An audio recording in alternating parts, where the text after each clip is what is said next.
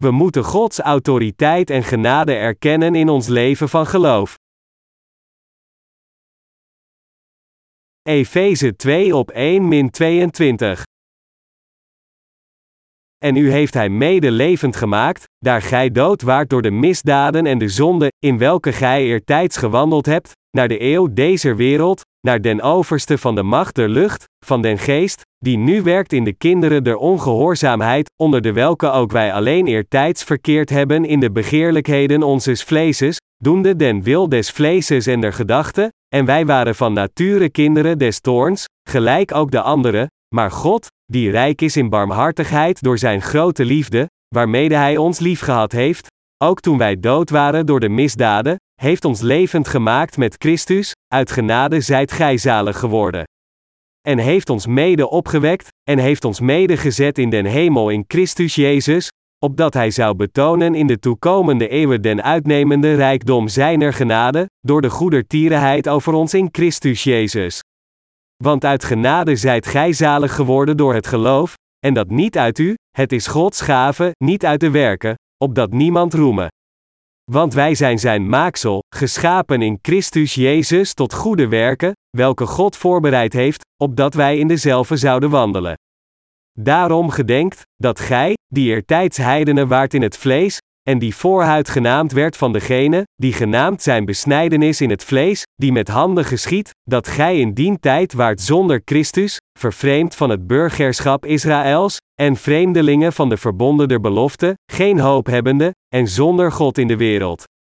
Maar nu in Christus Jezus, zijt gij, die eertijds verre waart, nabij geworden door het bloed van Christus. Want hij is onze vrede, die deze beide één gemaakt heeft, en de middelmuur des afscheids zelfs gebroken hebbende, heeft hij de vijandschap in zijn vlees te niet gemaakt, namelijk de wet der geboden in inzettingen bestaande, opdat hij die twee in zichzelf tot een nieuwe mens zou scheppen, vredemakende, en opdat hij die beide met God in één lichaam zou verzoenen door het kruis, de vijandschap aan hetzelfde gedood hebbende. En komende, heeft hij door het evangelie vrede verkondigd u, die verre waart, en dien, die nabij waren. Want door hem hebben wij beide den toegang door één geest tot den Vader. Zo zijt gij dan niet meer vreemdelingen en bijwoners, maar medeburgers der heiligen, en huisgenoten Gods, gebouwd op het fondament der apostelen en profeten, waarvan Jezus Christus is de uiterste hoeksteen, op welken het gehele gebouw, bekwamelijk samengevoegd zijnde, opwast tot een heilige tempel in den Here, op welken ook gij mede gebouwd wordt tot een woonstede Gods in den geest. Genesis hoofdstuk 2 toont dat God de ware rust aan de mens gaf. En hij gaf de mens ook de tuin van Eden. God wilde bij de mens zijn om broederschap met hem te hebben. Waar we hier goed op moeten letten is dat in het midden van de tuin van Eden de boom van leven was als ook de boom van de kennis van goed en kwaad. Dit betekent dat zij verondersteld werden te eten van de boom van leven door in het woord van God te vertrouwen. Gods bevel om geen vruchten te eten van de boom van de kennis van goed en kwaad werd gegeven om hen aan de geestelijke realiteit te herinneren dat zij Gods autoriteit niet mochten uitdagen. God zei ooit: Maar van den boom der kennis des goeds en des kwaads, daarvan zult gij niet eten, want ten dagen, als gij daarvan eet, zult gij den dood sterven. Genesis 2 vers 17. Om deze reden kunnen we toegeven dat de boom van de kennis van goed en kwaad daardoor God geplant werd voor heel het menselijke ras. Vanuit het perspectief van de mens maakte dit niet veel zin, maar in Gods ogen was de boom meer dan gepast. Het was een essentiële boom in het meesterplan van God om zijn rechtvaardigheid te openbaren. Echter, in de ogen van de mens, vragen we ons af: waarom schiep God de boom van de kennis van goed en kwaad? Ik denk dat het beter was geweest deze helemaal niet te scheppen. Het was omdat God wilde dat wij zijn autoriteit zouden erkennen. Efeze 2 op 1 zegt: En u heeft hij mede levend gemaakt, daar gij dood waart door de misdaden en de zonde. Van dit woord van God moeten we Gods diepe bedeling begrijpen. Daarom wordt er gezegd: Want uit genade zijt gij zalig geworden door het geloof, en dat niet uit u, het is Gods gave. Efeze 2 op 8. In Efeze hoofdstuk 2 vers 9 en 10 lezen we niet uit de werken, opdat niemand roemen. Want wij zijn zijn maaksel, geschapen in Christus Jezus tot goede werken, welke God voorbereid heeft, opdat wij in dezelfde zouden wandelen. Er wordt ook gezegd, want hij is onze vrede, die deze beide één gemaakt heeft, en de middelmuur des afscheid zelfs gebroken hebbende, heeft hij de vijandschap in zijn vlees te niet gemaakt, namelijk de wet der geboden in inzettingen bestaande, opdat hij die twee in zichzelf tot een nieuwe mens zou scheppen, vredemakende, en opdat hij beide met God in één lichaam zou verzoenen door het kruis, de vijandschap aan hetzelfde gedood hebbende. En komende, heeft hij door het evangelie vrede verkondigd u, die verre waard, en dien, die nabij waren. Want door hem hebben wij beide den toegang door één geest tot den Vader. Zo zijt gij dan niet meer vreemdelingen en bijwoners, maar medeburgers der heiligen, en huisgenoten Gods, Efeze 14 over 2 min 19. Volgens deze geschrifte passage is het door geloof in het woord van God dat wij de vergeving van zonden ontvangen en Gods kinderen worden. Het is door geloof in Gods woord dat wij gered zijn van de zonde van de wereld. U en ik zijn Gods kinderen geworden niet door het eten van het fruit van de boom van kennis van goed en kwaad, maar alleen omdat we geloof hebben in het evangelie van het water en de geest dat God ons gegeven heeft. Daarom hebben u en ik een nieuw leven gekregen door in het rechtvaardige woord van God te geloven en door bevrijd te worden van al onze zonden. Ongeacht wat mensen zeggen, ons geloof ligt in het evangelie van het water en de geest en wij zijn gered van al onze zonden dankzij het woord van God dat in ons woont. Anders gezegd, wat in ons woont, is de Heilige Geest. Hij getuigt tegen ons, u bent gered van de zonde van de wereld door het evangelie van het water en de geest. Nu bent u de heilige van God. De Heilige Geest, de Geest van de Zoon van God is in onze harten en staat ons toe God de Vader, Abba Vader, te noemen. Dit is omdat Hij ons van de zonde van de wereld heeft verlost. Gods mensen, die bevrijd zijn geworden uit de macht van de duisternis, kunnen nu komen om een nieuw leven te ontvangen. Voordat wij de rechtvaardigheid van Jezus Christus kenden en erin geloofden, waren wij vreemden voor Christus en onderworpen aan de veroordeling vanwege onze zonde. Wij waren niet Joden in het koninkrijk van God. Oorspronkelijk was ons stoffelijk lichaam buiten Christus en waren we genealogisch geen afstammelingen van Abraham. Wij stonden buiten Gods verbond en zijn genade.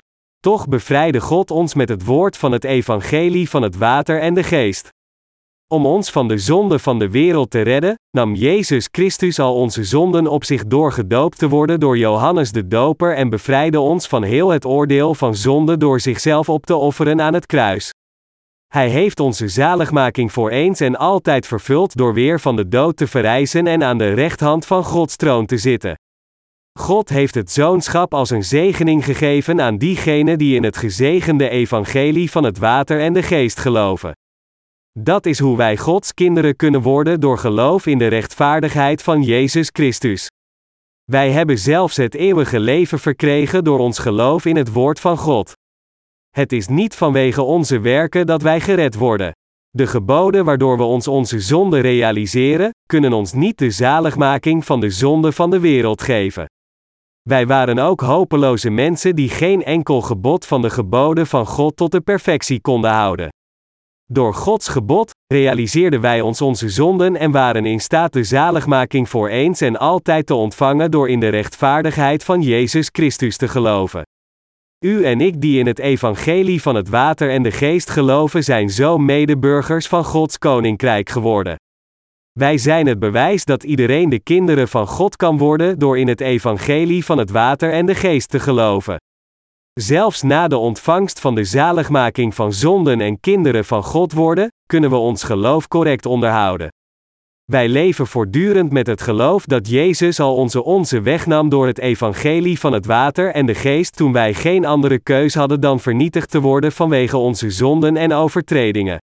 Anders gezegd, wij kwamen tot leven als de kinderen van God door het geloof in het evangelie van het water en de geest, dat de rechtvaardigheid van Jezus Christus is.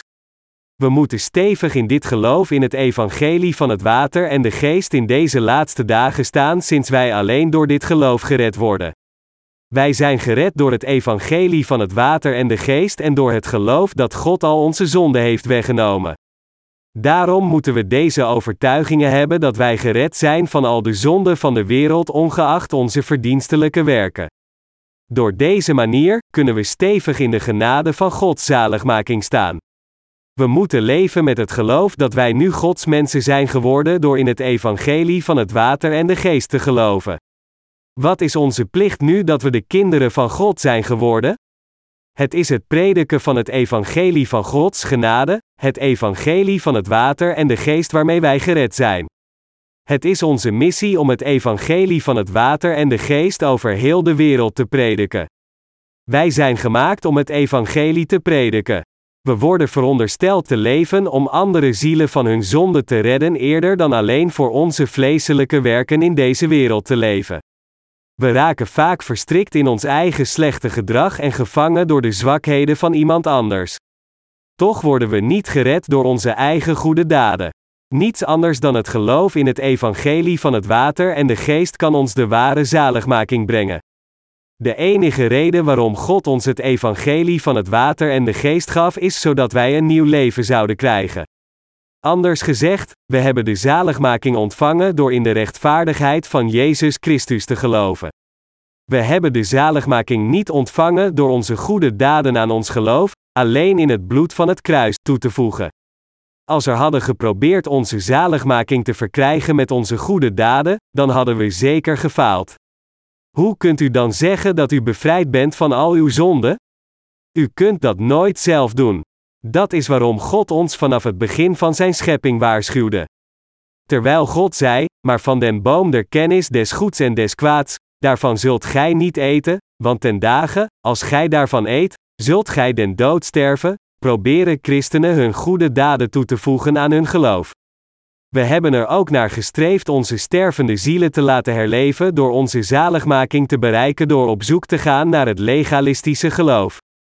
Maar we moeten weten dat als we afhankelijk zijn van onze eigen goede daden, we zeker zullen sterven. De wet is er om ons te helpen ons onze zonde te realiseren, en het kan onze zonden nooit en te nimmer verwijderen. Toen God zei dat wij niet mochten eten van het fruit van de boom van de kennis van goed en kwaad in Genesis hoofdstuk 2, bedoelde hij dat wij onze menselijke criteria niet anders dan op Gods absolute criteria van goed en kwaad moeten richten. Alleen God kan over goed en kwaad praten. Wat goed is in de ogen van God is absoluut deugdzaam. Als God iets goed noemt, dan is het zeker goed, als Hij iets kwaad noemt, dan is het zeker kwaad. We worden verondersteld niet te oordelen over goed en kwaad met de maatstaf van ons eigen geweten. Dat is waarom God tegen ons zei niet te eten van de boom van de kennis van goed en kwaad. Dit betekent ook dat wij het woord van God, het absolute wezen, moeten erkennen. God wilde ook dat wij met geloof zouden accepteren dat Hij ons al de rest en de hemels als zijn geschenk heeft gegeven. Door onze goede werken toe te voegen, laat ons, de slechte zondaars, niet rechtvaardig worden voor God. Onze zaligmaking werd voorbestemd in Jezus Christus. De apostel Paulus zei in Efeze 1: Gelijk hij ons uitverkoren heeft in hem, voor de grondlegging der wereld, opdat wij zouden heilig en onberispelijk zijn voor hem in de liefde. God de Vader maakte ons de gelovigen in het evangelie van het water en de geest heilig en zondeloos in zijn Zoon Christus Jezus. Geestelijk gesproken, schonk Hij de vergeving van zonden en het eeuwige leven aan ons vanwege ons geloof in het evangelie van het water en de geest. Nu dat wij de zaligmaking hebben ontvangen door in het evangelie van het water en de geest te geloven, hoeven wij alleen maar het ware evangelie te prediken. We hoeven alleen maar te genieten van de rust in onze harten en de zegeningen van God aan anderen met geloof te prediken. De zaligmaking van God en alles wat wij in de hemel zullen hebben zijn de geschenken van God. God koos ons van tevoren in Jezus Christus zodat wij in het eeuwige koninkrijk van de hemel kunnen leven. Wat betekent voorbestemd? In het evangelie van het water en de geest heeft God voorbestemd ons de ware rust te geven door ons zondeloos te maken. Anders gezegd, Hij heeft ons de gelovigen in het evangelie van het water en de geest voorbestemd om het koninkrijk van de hemel binnen te gaan en er voor eeuwig te leven. We moeten daarom geloof hebben in het evangelie van het water en het bloed in Jezus Christus. We moeten het geloof hebben dat God ons alle goede dingen van boven heeft gegeven, Jacobus 1 vers 17. Zelfs voor de schepping van de wereld, schiep God ons en bereidde het koninkrijk van God voor ons om in te leven. Zelfs voordat Hij het universum schiep, had Hij ons, het hele menselijke ras, voorbestemd om gered te worden in Jezus Christus. Hij heeft ons al gered van al onze zonden met het evangelie van het water en de geest. Wat is het resultaat van gered te zijn van al onze zonden? We hebben het evangelie van het water en de geest gekregen als het geschenk van zaligmaking en, als gevolg, kunnen wij nu de glorie van de hemel als Godskinderen eren. De Heer staat ons toe Gods rechtvaardigheid te eren en een leven te leven dat verheerlijkend is voor Hem. Dat is waarom God ons van de zonde van de wereld heeft gered. Er wordt gezegd, in welken wij hebben de verlossing door zijn bloed, namelijk de vergeving der misdaden, naar den rijkdom zijn er genade, Efeze 1 op 7. Hebt u de vergeving van zonden ontvangen door in het evangelie van het water en de geest te geloven? Bent u kinderen van God geworden door in het evangelie van het water en de geest te geloven? Hebt u een perfect leven geleefd sinds u de zaligmaking van al uw zonden hebt ontvangen door geloof? Nee, dat kunnen we niet. Er is een verschil tussen we leven een dergelijk leven niet ondanks dat wij dat kunnen, en we kunnen dit niet omdat we dit niet kunnen. Door te weten dat wij niet de bekwaamheid hebben om een perfect leven te leven, vertelde God ons op Zijn rechtvaardigheid te vertrouwen. Hij wist dat wij geen perfect leven konden leven en daarom beval Hij ons met geloof te leven. Anders gezegd, we verdienen onze zaligmaking niet door onze eigen verdiensten, maar we kunnen onze zaligmaking alleen bereiken door geloof. U en ik zijn voor eens en altijd gered geworden door in de rechtvaardigheid van God te geloven. DWZ we hebben gebouwd op het fundament van de apostelen en de profeten. Zelfs de leerlingen van Jezus waren gered van al hun zonden door in het evangelie van het water en de geest te geloven. Zij voegden er geen van hun eigen werken aan toe, nog niet 0,1% om gered te worden. De apostelen spraken niet over legalistische plichten zoals: doe goed, leef een deugdzaam leven, houd u aan de geboden. Zij geloofden ook in het evangelie van het water en de geest. Dankzij hen zijn wij gered geworden van al onze zonden en bouwden op hetzelfde geloof dat gelooft in het evangelie van het water en de geest. Jezus Christus is de hoeksteen van onze zaligmaking geworden. De bemiddelaar Jezus legde zelf de hoeksteen dat ons met God verenigd heeft. U zult vandaag misschien niet begrijpen wat de hoeksteen is. Tegenwoordig wordt cement gebruikt als hechtmiddel voor de fundering van een gebouw, dus is het moeilijk de functie van een hoeksteen te begrijpen, er is geen noodzaak meer voor een hoeksteen. Echter, er waren geen huizen met betonnen funderingen in die tijd. De mensen groeven in de grond en plaatsen grote stenen op elke hoek. En op elke hoeksteen plaatsen zij een houten of een stenen pilaar. Daarom, de hoekstenen verbonden het hele gebouw. Alleen al om deze reden waren de hoekstenen de belangrijkste delen van de constructie. Als u naar het platteland gaat, dan zult u zonder twijfel huizen vinden gebouwd op hoekstenen. In Changchun bevinden zich ook nog veel oude huizen, mensen leggen grote stenen en verbinden pilaren op deze hoekstenen als zij een traditioneel huis bouwen. Dus als zij het frame van het huis moeten verhuizen, dan tillen verschillende mensen het huis bij de vier pilaren op die op deze hoekstenen rusten. Zo verbindt de bemiddelaar Jezus mensen met God. De Bijbel vertelt ons dat Jezus Christus zelf de belangrijkste hoeksteen is geworden. Dankzij de verlossing die Jezus Christus door zijn rechtvaardige werk vervulde, ontvingen wij de zaligmaking door geloof. Om te spreken in termen van de structuur van een huis, u en ik zijn allemaal met elkaar verbonden. Diegenen die eerder waren gered en diegenen die later worden gered passen en groeien samen tot een heilige tempel in de Heer. Diegenen die al de zaligmaking van zonde hebben ontvangen en nu in God zijn en diegenen die nog niet de zaligmaking hebben ontvangen zullen samenkomen en uiteindelijk verbonden worden met het koninkrijk van de hemel. In werkelijkheid verblijft God in diegenen van ons die in het evangelie van het water en de geest geloven. Erken de autoriteit van God. Wat u als eerste in de kerk van God moet leren is de autoriteit van God te erkennen. We moeten de autoriteiten gegeven door God accepteren. Als mensen eenmaal de vergeving van zonden ontvangen, dan haten zij een discriminerende behandeling het meest. Diegenen die de vergeving van zonde hebben ontvangen willen anderen op gelijke hoogte in menselijke relaties behandelen. Niettemin is God de God van de orde.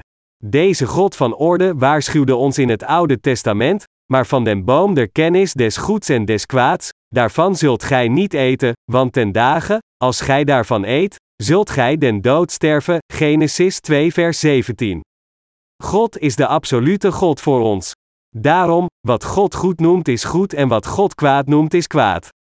Dit betekent dat wij Gods autoriteit moeten accepteren. Al diegenen die hun zaligmaking van zonde hebben ontvangen, moeten Gods autoriteit erkennen. Nauwkeuriger gesproken, of we gered zijn of niet, iedereen moet zich onderwerpen aan de autoriteit van God. Als u zichzelf niet onderwerpt aan Gods autoriteit, dan kunt u nooit de zaligmaking van zonden ontvangen. Gelooft u dat de Bijbel het woord van God is? Gelooft u dat God onze zaligmaking heeft vervuld zoals het geschreven is in de Bijbel? Als we Gods autoriteit erkennen, dan kunnen we in dit woord van God geloven en de zaligmaking van al onze zonden ontvangen door in het evangelie van het water en de geest te geloven.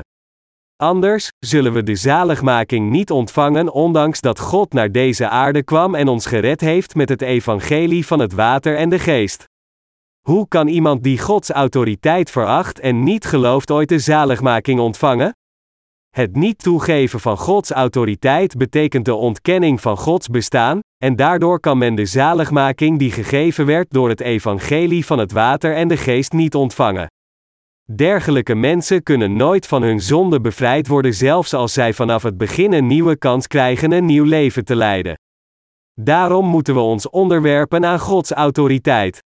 Diegenen die zich onderwerpen aan Gods autoriteit kunnen door geloof de zaligmaking van al hun zonden en al de zegeningen van God ontvangen. Bovendien kunnen zij hun geloof met gemak uitleven. Zolang als wij onze zaligmaking van zonde door geloof ontvangen, zullen we allemaal een koninklijk priesterschap worden. 1 Petrus 2 vers 9. Het eerste boek van Petrus zegt dat u een koninklijk priesterschap bent. Dus, elke wedergeboren heilige kan moedig voor de heilige God komen. Trouwens, hebben alle heiligen dezelfde status als zij eenmaal de zaligmaking van zonde hebben ontvangen door het evangelie van het water en de geest? Nee, dat hebben ze niet. Er wordt gezegd dat er koningen en predikers in het koninkrijk van de hemel zijn. Er is daar een strikt geestelijk gezag. Er is een geestelijke orde die God in zijn kerk heeft gevestigd. Kortom, we moeten deze orde ingesteld door God accepteren. Als we ons onderwerpen aan Gods orde, dan is het lijden van een leven van geloof rustig. Als u zich onderwerpt aan de voorgangers van ons geloof, dan zult u autoriteit hebben over diegenen die na u komen. Laten we aannemen dat wij iemand hebben die net de zaligmaking heeft ontvangen door in het evangelie van het water en de geest te geloven. Als hij doet wat hij wil doen en niet luistert naar u die hem voorging, zou u zich dan niet beledigd voelen. U zou zich zeer ongemakkelijk voelen. Als u uw eigen wereldlijke kennis in de kerk brengt en uw voorgangers met de wereldlijke maatstaf zou oordelen zeggend wat volgens u goed en slecht is, zou u dan het goede doen? Nee, denkt u niet dat dergelijke mensen dwaas zijn? Wat zou er gebeuren als u neerkijkt op de geestelijke broederschap met diegenen die u voorgingen? Kunnen u en ik beide leraren zijn? Als beide proberen te onderwijzen en niemand wil leren, dan zal er een geestelijke strijd zijn. Het eerste ding dat God voor het hele menselijke ras vestigde was de wet om ons alles te leren over wat zonde is. Hij leerde ons de waarheid dat door de wet we niet gered kunnen worden, maar ons alleen onze zonde kunnen realiseren. Toen toonde hij ons hoe wij de zaligmaking door geloof in de rechtvaardigheid van Jezus Christus kunnen ontvangen. Voorafgaande aan dit, vestigde God zijn autoriteit. Ik ben die ik ben. Ik ben het absolute wezen. Mijn woord is de waarheid. Wat ik goed verklaar, dat is goed, en wat ik als kwaad beschouw, dat is kwaad. U bent niet goed maar slecht. U moet mijn autoriteit erkennen. Ik ben uw God. Ik ben Jehovah. God heeft ons dit verteld. Daarom, ons geloof uit te leven nadat we de vergeving van onze zonden hebben ontvangen, betekent de autoriteit van God te erkennen. Dat is waarom we de autoriteiten die God gevestigd heeft moeten erkennen. God staat ons toe ordelijk in de kerk van God te leven. Als we de orde gevestigd in Gods kerk bevestigen, dan zal God ons verheffen. Onze zaligmaking is vervuld door het evangelie van het water en de geest, dat wil zeggen het evangelie van God. We hebben de zaligmaking en het eeuwige leven ontvangen door in dit evangelie van God te geloven. We zijn Gods kinderen geworden door in het water en het bloed te geloven dat Jezus ons gegeven heeft. Onze zaligmaking wordt ons niet gegeven door onze werken. Het is het geschenk van God. Dit is hoe diegenen die in het evangelie van het water en de geest geloven samenpassen en groeien in het koninkrijk van God. Wij leven ons geloof samen uit onder de autoriteit van God. Dus als u toetreedt tot de kerk van God, dan zijn daar broeders en zusters die de zaligmaking voor u hebben ontvangen. En u moet van hen leren en met hen broederschap hebben. Het is juist om door hen geleid te worden. Ik hoop dat u hen niet zal beoordelen op basis van uw humanistische gedachten zoals, bent u slimmer dan ik ben? Waar bent u trots op? Wie bent u dat u mij probeert te onderwijzen en alles dat ik doe bekritiseer? Het was goed dat ik gered ben van mijn zonde door in het evangelie van het water en de geest te geloven, maar ik kan een leven van geloof niet met een gekwetst zelfrespect leiden. Wetend dat u zo zou denken, zei God dat Hij de God van orde is. Om deze reden, zei God, maar van den boom der kennis des goeds en des kwaads, daarvan zult gij niet eten, want ten dagen, als gij daarvan eet, zult gij den dood sterven. Dit betekent dat u uw voorgangers niet met uw eigen rechtvaardigheid zult uitdagen. Anders gezegd, God waarschuwt ons dat wij ons aan Zijn autoriteit moeten onderwerpen. Bedenk eens hoe hard uw voorgangers in de kerk hebben gewerkt. Al uw geliefde dienaren en heiligen van God, hoe hard hebt u gewerkt in de kerk sinds u de zaligmaking van zonde hebt ontvangen? Hoe lang verdraagt u al de vermoeiende en misselijkmakende situaties in de kerk? In onze fysieke ogen zijn we allemaal gelijk, maar vanuit geestelijk perspectief is er een duidelijke hiërarchie. In de kerk van God bestaat de geestelijke orde. Echter, wereldlijke kerken geven hoge posities aan diegenen die rijk zijn of een hoge positie bekleden, zoals directeurs van rijke bedrijven. Sommige professors of dokters worden gemakkelijk als diakens aangesteld. Zelfs als zij nominale christenen zijn, worden hun hoge posities in hun kerken gegeven als zij acceptabel zijn. Bekijk ze eens van dichtbij. U bent misschien niet zo bekend met deze nepwereld, maar ik ken dit heel goed. Een dergelijke hiërarchie komt niet van God. Deze hiërarchie wordt gebouwd in overeenstemming met de menselijke macht. Dit is absoluut niet juist. Van de andere kant wordt de heilige in Gods kerk verteld de hiërarchie in de kerk te respecteren en een correct leven van geloof te leiden. De Bijbel zegt dat de kerk van God geen vleeselijke persoon mag aanwijzen voor een eervolle positie. Beste mede-christenen, als u al de zaligmaking van zonde hebt ontvangen, dan mag u niet neerkijken op uw voorgangers in het geloof. U verblijft in de kerk van God nadat u uw zaligmaking van zonde hebt ontvangen sinds u voortdurend uw vleeselijke gedachten hebt ontkend. U kunt niet in de kerk van God verblijven tenzij u de hiërarchie van God volgt. Als iemand de zaligmaking ontvangt en de Heer in de kerk van God voor een jaar voor u gediend heeft, erkent hem dan als uw senior. Probeer in de kerk van God te blijven. U zult ontdekken hoe moeilijk het is geregeerd te worden door uw voorgangers en te doen wat de kerk u vertelt om te doen. Maar, kunt u haar bevel negeren?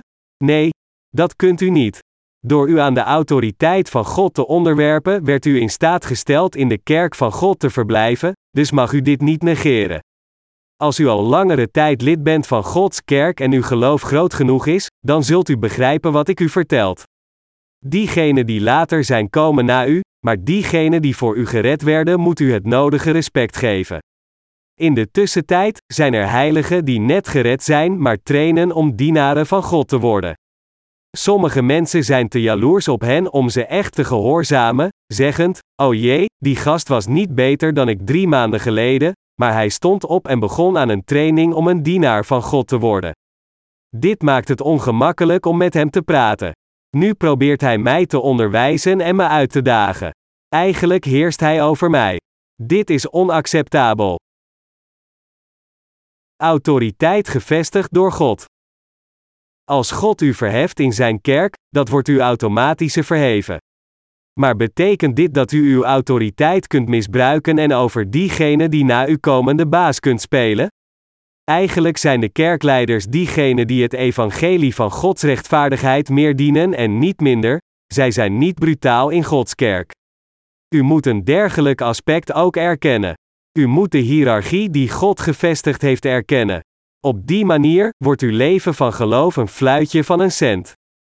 Sinds God mijn voorgangers zo heeft aangesteld, is het voor mij een vanzelfsprekendheid om me aan hen te onderwerpen en inschikkelijk te zijn. Dus als ik doe wat mij verteld wordt om te doen, dan gehoorzaam ik in feite God. Ik doe dit omdat ik op God vertrouw en Hem volg. Dit is het rechtvaardige geloof voor God. Zolang als iets juist is in de ogen van God, is het juist om toe te geven en ons te onderwerpen aan datgene wat ons verteld wordt om te doen. Echter, het is zeer moeilijk voor u om u te onderwerpen aan iemand als u denkt dat u geregeerd wordt door een medemens en niet door God.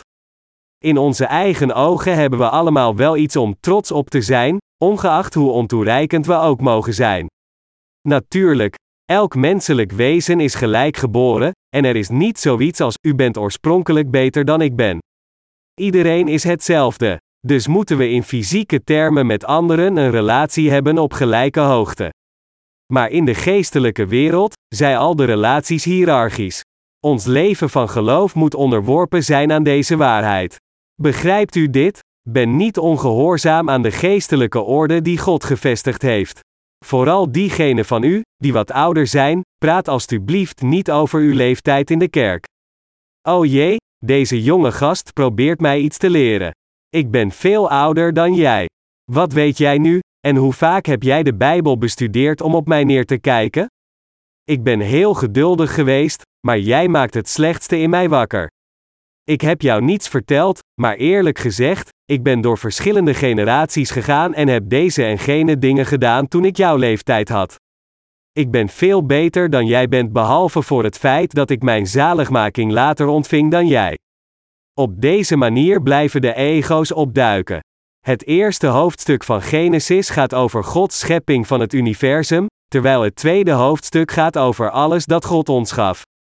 God gaf ons alles behalve één ding, de verboden vrucht. God zei: Van allen boom deze hofs zult gij vrijelijk eten, maar van den boom der kennis des goeds en des kwaads, daarvan zult gij niet eten, want ten dagen, als gij daarvan eet, zult gij den dood sterven. Anders gezegd, God zegt tegen ons: Daag mij niet uit met uw eigen vleeselijk oordeel. Onderwerp u aan mijn autoriteit. U zult zeker sterven als u eet van de boom van de kennis van goed en kwaad. Ondanks dat ik u volgens mijn evenbeeld heb geschapen en ik gepland heb u en uw afstammelingen te veranderen in mijn kinderen door mijn zoon, zult u zeker sterven op de dag dat u van de boom van de kennis van goed en kwaad eet, ongeacht waarom u dit deed. Maar de mens geschapen door God at van de boom van de kennis van goed en kwaad. Dien ten gevolge kwam de dood voor beide lichaam en geest tot stand, niet waar? Ja, dit gebeurde. Maar, stuurde God niet Jezus Christus naar ons? Heeft Hij ons niet gered door het evangelie van het water en de geest? Echter, u moet weten dat u zeker zult sterven als u eet van de boom van de kennis van goed en kwaad zelfs nadat u gered bent van uw zonde. Dit is waar voor iedereen. Als u opschept over uw lichamelijke kracht, uw kennis of uw ervaringen uit het verleden, dan zult u zeker in beide lichaam en geest sterven. Dat is waarom we in gedachten moeten houden dat wij ons aan Gods autoriteit moeten onderwerpen. Als u Gods autoriteit in uw hart accepteert, dan zult u niet chagrijnig worden zelfs als zij uw hart behandelen voor een geestelijke zaak. U moet onderdanig zijn aan de hiërarchie in de kerk van God voor uw eigen bestwil, want als u dit doet, zult u veel leren, geestelijke groeien en Gods overvloedige zegeningen ontvangen. Zo is het leven van geloof. Begrijpt u dit? Gelooft u zo? Tieners, geloven jullie dit ook? We zijn allemaal gelijk voor God. Wij de leiders leiden u de heilige volgens wat God ons toestaat te doen. Daarom, als u het gevoel hebt dat er op u wordt neergekeken, er is niets oneerlijk. Niemand negeert u als een mens, maar God probeert u door zijn leiders en de voorgangers in zijn kerk iets te leren. U hoeft zich niet beledigd te voelen, want u leert van God. Leven door geloof is het enige dat we als kinderen van God kunnen doen nadat we onze zaligmaking door in het evangelie van het water en de geest te geloven hebben ontvangen. Het enige ding dat we hoeven te doen is goede werken door geloof. Dit is onze enige baan. Jezus Christus nam al onze vloeken op zich net zoals Rebecca deed voor haar jongere zoon Jacob. Ze zei tegen hem: Uw vloek zij op mij, mijn zoon. Hoor alleen naar mijn stem, en ga, haal ze mij. Genesis 27, vers 13. Op deze manier loste hij heel het probleem van onze zonden op, dankzij Gods genade ontvingen wij de zaligmaking van al onze zonden. We moeten vasthouden aan deze genade van zaligmaking totdat onze Heer terugkeert. Vooral in deze eindtijd moeten we bij ons geloof blijven. Omdat dit het laatste tijdperk is dat op weg is naar het einde, leven we door geloof in de wereld vol van geweld, slechtheid en lust. Daarom kan niemand of hij nu wedergeboren is of niet opscheppen over zijn daden. Ongeacht wie we zijn, de rechtvaardigen of de zondaars, wij hebben niets om over op te scheppen. Er staat geschreven, want wij zijn zijn maaksel, geschapen in Christus Jezus tot goede werken, welke God voorbereid heeft, opdat wij in dezelfde zouden wandelen. Efezië 2 vers 10. Wij zijn, zijn werkers geworden door in de rechtvaardigheid van Jezus Christus te geloven. Alleen omdat we in de zaligmaking van Gods rechtvaardigheid geloven, kunnen we deze goede werken doen. De Heer heeft deze goede werken aan ons die in het evangelie van het water en de geest geloven toevertrouwd. Wij leven de rest van onze levens met geloof in de rechtvaardigheid van God. Gelooft u in Gods rechtvaardigheid? Hebt u uw zaligmaking ontvangen door de genade van God? Erkent u Gods autoriteit? Voor wie onderwerpt u zich aan God? Wij erkennen Gods autoriteit voor uw eigen voordeel. We hebben onze zaligmaking te danken aan Gods autoriteit en zijn rechtvaardigheid.